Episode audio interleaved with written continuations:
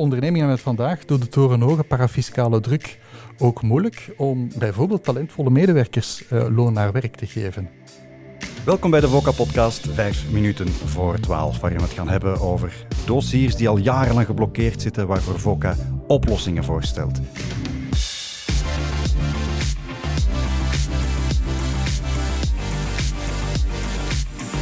VOCA Podcasts. Deze keer doen we dat met Karel Kollaerts, de specialist van VOCA rond fiscaliteit en overheidsfinanciën. Dag Karel. Dag Erik. Elke regering die heeft het wel over een fiscale hervorming, die probeert daar iets aan te doen, maar ook deze regering is daar nog niet in geslaagd. Wat is eigenlijk jouw voorstel, Karel, om in dat warge geheel van fiscale regels toch wat meer coherentie te brengen?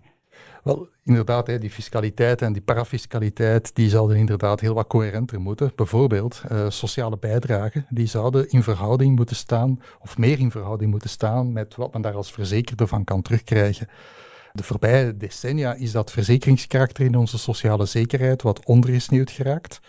In ons land lopen de sociale bijdragen bijvoorbeeld zonder rem op, terwijl de sociale uitkering die je daarvoor in ruil krijgt bij werkloosheid of ziekte uh, werd ingeperkt. Dus vandaar ons voorstel om ook de werkgeversbijdrage terug te plafonneren vanaf een bepaald loonniveau. Dat was voor de jaren 80 het geval. En zo gaat het ook in heel wat andere landen. Ja, je hebt het dan over de bijdrage die de werkgever betaalt op het bruto loon. Bijdrage voor de sociale zekerheid. Over hoeveel spreken we? Wat is daar het tarief? Dat is afgerond 25% van het bruto loon. Dus voor een loon van 2000 euro spreken we dus over een extra uh, eh, 500 euro aan werkgeversbijdrage. Dat loopt op uiteraard. Hè, een loon van 5000 euro gaat het om 1250 euro elke maand. Nu, belangrijk om te merken, we spreken hier juridisch niet over een belasting, hè, maar over een sociale bijdrage. Dat is een soort van collectieve premie om ons te verzekeren tegen een sociaal risico, zoals pensionering of werkloosheid. Het is alleen wat vreemd hè, dat, die, dat die premie berekend wordt als een percentage van het, van het volledige bruto loon en dus niet geplafonneerd wordt. Als we daar een plafond zouden opzetten, dan betalen werkgevers minder bijdrage. Dat is, dat is goed voor hen. Wel ja, ondernemingen met vandaag doen de torenhoge parafiscale druk ook moeilijk om bijvoorbeeld talentvolle medewerkers uh, loon naar werk te geven. Hè. Door de niet-begrenzing van die sociale zekerheidsbijdragen zien ze zich dus genoodzaakt om vaak beroep te doen op ingewikkelde alternatieven, zoals bijvoorbeeld verloning in de vorm van auteursrechten. Nu, we weten dat die alternatieven onder een zware politieke druk staan. Dat is nu het geval, misschien in de volgende legislatuur ook.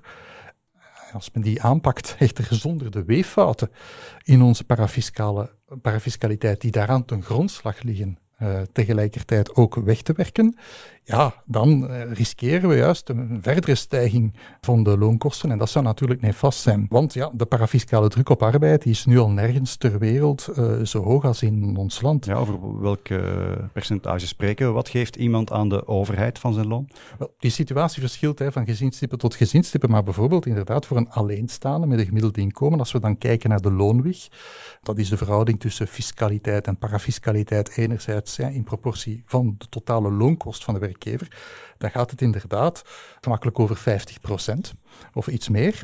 Eh, en bij bovengemiddelde inkomsten loopt die loonweg op tot 59% Dat is de gemiddelde loonweg. Als een de marginale druk, als de werkgever extra loonsopslag geeft, dan gaat van die extra loonsopslag ongeveer 67% naar de fiscus en de, en de RSZ. En daarmee staan wij ondanks de lichte daling de voorbije decennia, maar staan wij nog steeds los op kop internationaal. Uh, als je ons bijvoorbeeld vergelijkt met Duitsland, wat toch ook een land is met een vrij omvangrijke welvaartsstaat, ja, daar bedraagt de gemiddelde loonweg voor die categorie medewerkers bijvoorbeeld iets minder dan 50 procent. En eigenlijk, eigenlijk zou die loonweg voor alle medewerkers onder de 50 procent moeten liggen. Ja, een van de belangrijke principes in fiscaliteit, iets wat ik nog weet van Jean-Luc Dehane, is sterke schouders moeten ook sterke lasten dragen. Stellen we dat ter discussie?